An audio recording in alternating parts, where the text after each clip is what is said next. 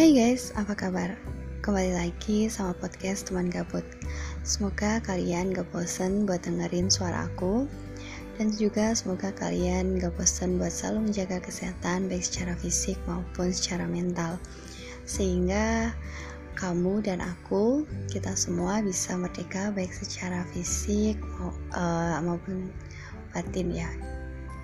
Merdeka secara lahir maupun batin, ah itu maksudnya Kali ini di episode sekarang aku akan mengulas sedikit kehidupan seorang proklamator Indonesia, seorang presiden pertama, seorang pahlawan yang tidak akan pernah lekang oleh waktu.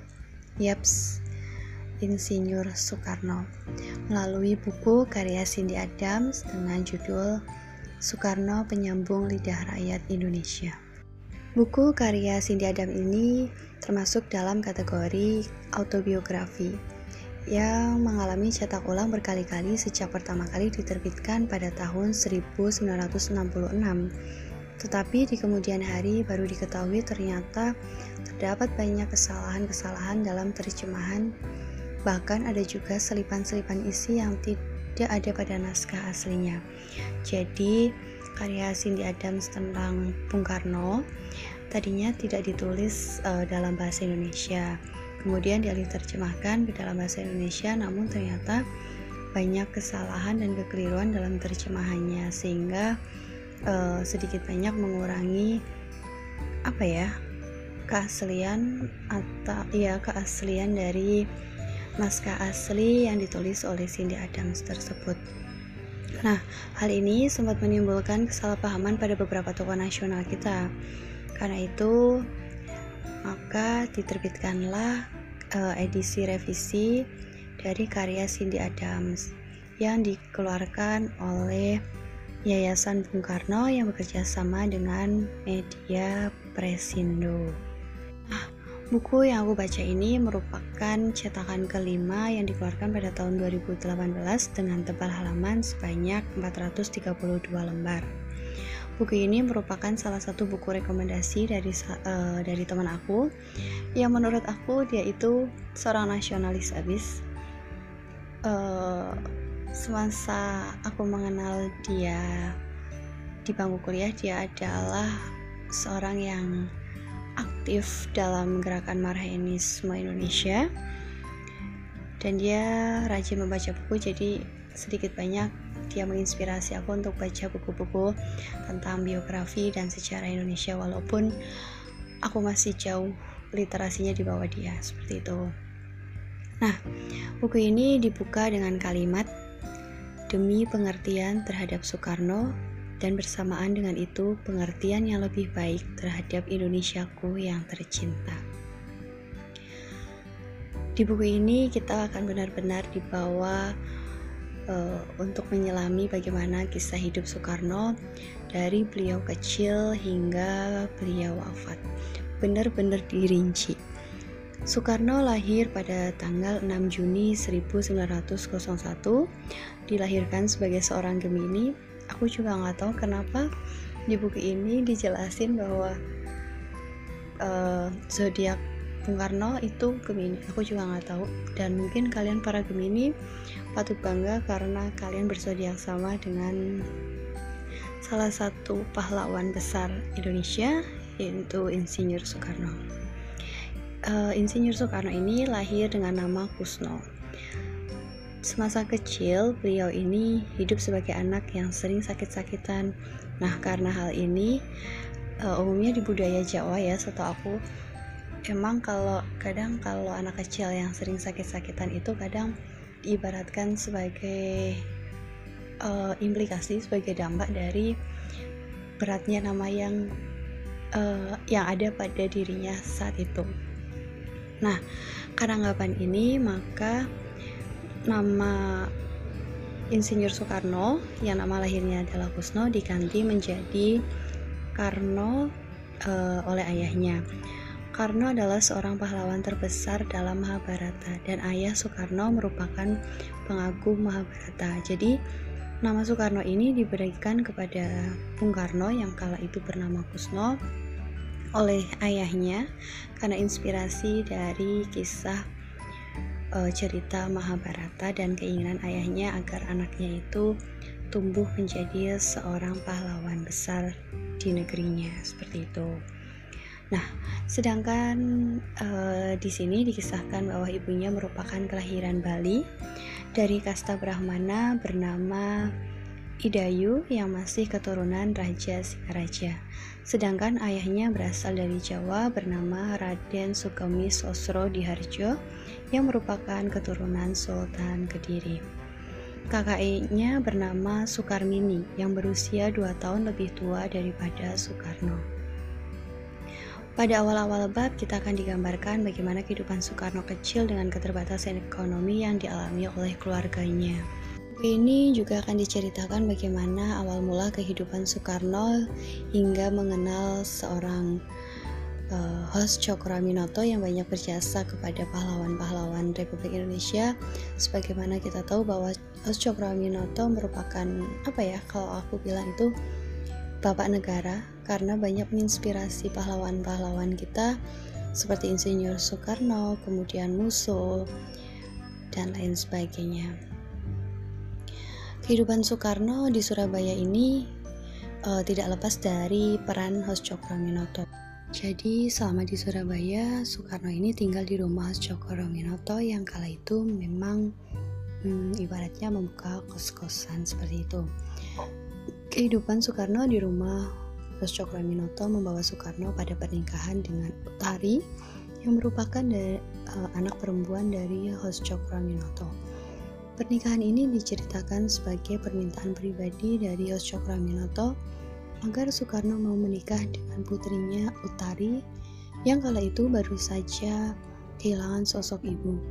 Saat itu Utari masih berusia sekitar 16 tahun dan Soekarno belum genap 21 tahun. Akhirnya Soekarno menyetujui pernikahannya dengan Utari namun uh, pernikahan ini lebih didasarkan pada rasa sayang antara seorang kakak dengan seorang adik. Mengingat uh, Soekarno memutuskan untuk memilih menikah dengan Utari karena permintaan Oscokraminoto dan dia menghargai beliau. Kemudian Utari juga masih berusia belia yaitu 16 tahun. Selulus HBS, Soekarno melanjutkan pendidikan di Bandung dan tinggal di rumah Sanusi. Nah, Sanusi ini merupakan kenalan dari Minoto. Sanusi ini punya istri yang bernama Ibu Inggit Karnasi yang nantinya Ibu Inggit ini akan menjadi istri kedua dari Insinyur Soekarno setelah berpisah dengan Utari. Pernikahannya dengan Ibu Inggit ini terbilang unik karena mereka berdua hmm, punya rentang usia yang cukup jauh, di mana Soekarno lebih muda daripada Ibu Inggit pada kala itu. Pada tahun 1922, Soekarno menyerahkan Utari kepada ayahnya Cokraminoto, dan Soekarno semakin dekat dengan Ibu Inggit. Apalagi setelah Ibu Inggit menyampaikan keinginan berpisah dengan suaminya Sanusi. Kemudian Soekarno dan Ibu Inggit menikah pada 1923. Uh, kemudian pada bab 6 buku ini akan dijelaskan bagaimana Soekarno dan Marhainisme Indonesia itu lahir dari pikirannya. Marhainisme Indonesia atau Marhainis merupakan gagasan yang keluar dari uh, gagasan yang dikemukakan oleh Soekarno. Menurut Soekarno, Marhain adalah orang yang memiliki alat-alat yang sedikit, orang kecil dengan hak milik kecil dan alat-alat kecil sekedar cukup untuk dirinya sendiri. Marhainisme digambarkan sebagai sosialisme Indonesia dalam prakteknya. Perkataan Marhainisme adalah lambang dari penemuan kembali kepribadian nasional. Dalam bilang dalam bidang politik, Insinyur Soekarno atau lebih dikenal sebagai Bung Karno adalah seorang nasionalis dalam bidang keagamaan, Bung Karno adalah seorang yang percaya pada Tuhan. Di bidang ideologi, dia adalah seorang sosialis. Hal ini sebagaimana tertulis dalam buku uh, Bung Karno penyambung lidah rakyat di halaman 89. Kemudian pada tanggal 4 Juli 1927 dengan dukungan enam kawan dari Achievement Study Club, Bung Karno mendirikan Partai Nasionalis Indonesia atau PNI. Tujuan dari PNI adalah kemerdekaan sepenuhnya. Pada beberapa bab setelah mendirikan PNI, maka kehidupan Soekarno mulai apa ya kalau aku bilang tidak tenang karena setelah pendirian PNI Soekarno banyak persinggungan dengan pemerintah Belanda pada masa itu sehingga dia berpindah-pindah penjara ya beliau memang sempat dipenjarakan oleh pemerintah Belanda kemudian sempat mengalami pengasingan seperti di ND dan di Bengkulu nah pada pengasingan di Bengkulu ini Bung Karno bertemu dengan Fatmawati yang kemudian akan menjadi istrinya. Keputusan Soekarno untuk menikahi Fatmawati salah satunya adalah karena ketidakmampuan Ibu Inggit untuk memberikan keturunan kepada Soekarno apalagi saat itu Ibu Inggit sudah berusia 53 tahun dan itu tentu tidak memungkinkan beliau untuk hamil. Akhirnya Soekarno menyampaikan keinginannya untuk menikah dengan Ibu Fatmawati yang kala itu berusia 17 tahun. Nah, dengan Ibu Fatmawati ini, Bung Karno punya beberapa anak. Buat kalian yang kepo, siapa lagi anak dari Ibu Fatmawati dan Bung Karno, kalian bisa baca buku ini.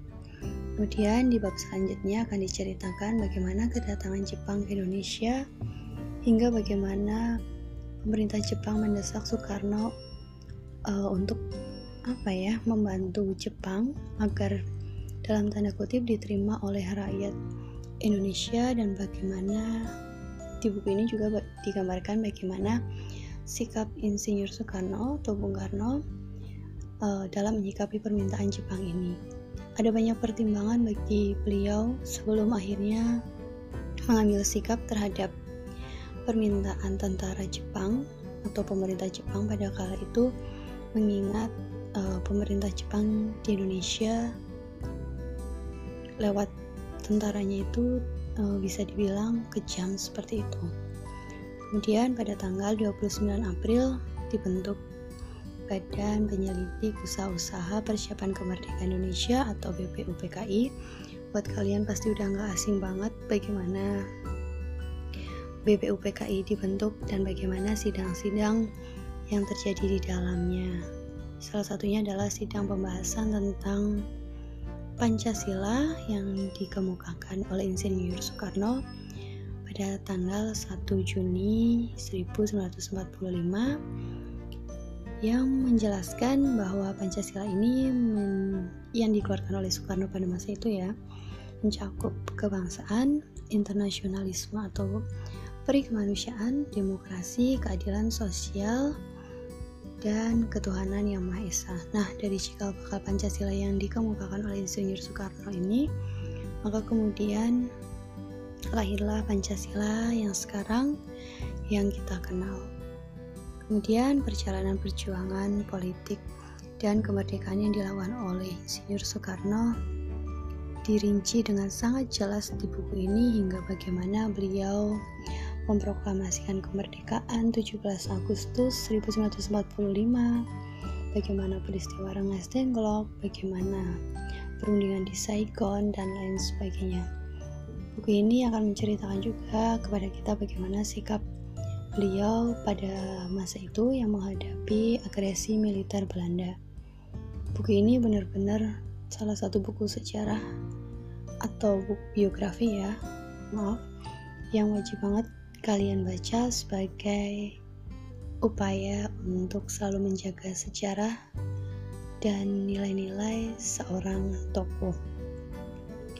Mungkin ini akan mengajarkan kepada kita bagaimana sosok lain atau sad story dari kehidupan Insinyur Soekarno dari beliau kecil, beliau jadi presiden, kemudian dalam tanda kutip lengser hingga beliau meninggal.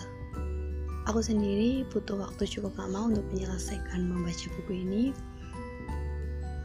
karena memang keterbatasan dari waktu dan banyak hal uh, mungkin kalian yang sedang mencari referensi untuk buku-buku autobiografi kalian wajib banget baca buku Bung Karno Penyambung Lidah Rakyat Indonesia karya Cindy Adams ini.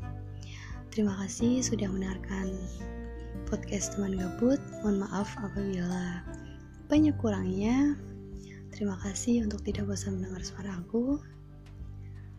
Selamat uh, tanggal 17 Agustus Dirgahayu Indonesia. See you. Terima kasih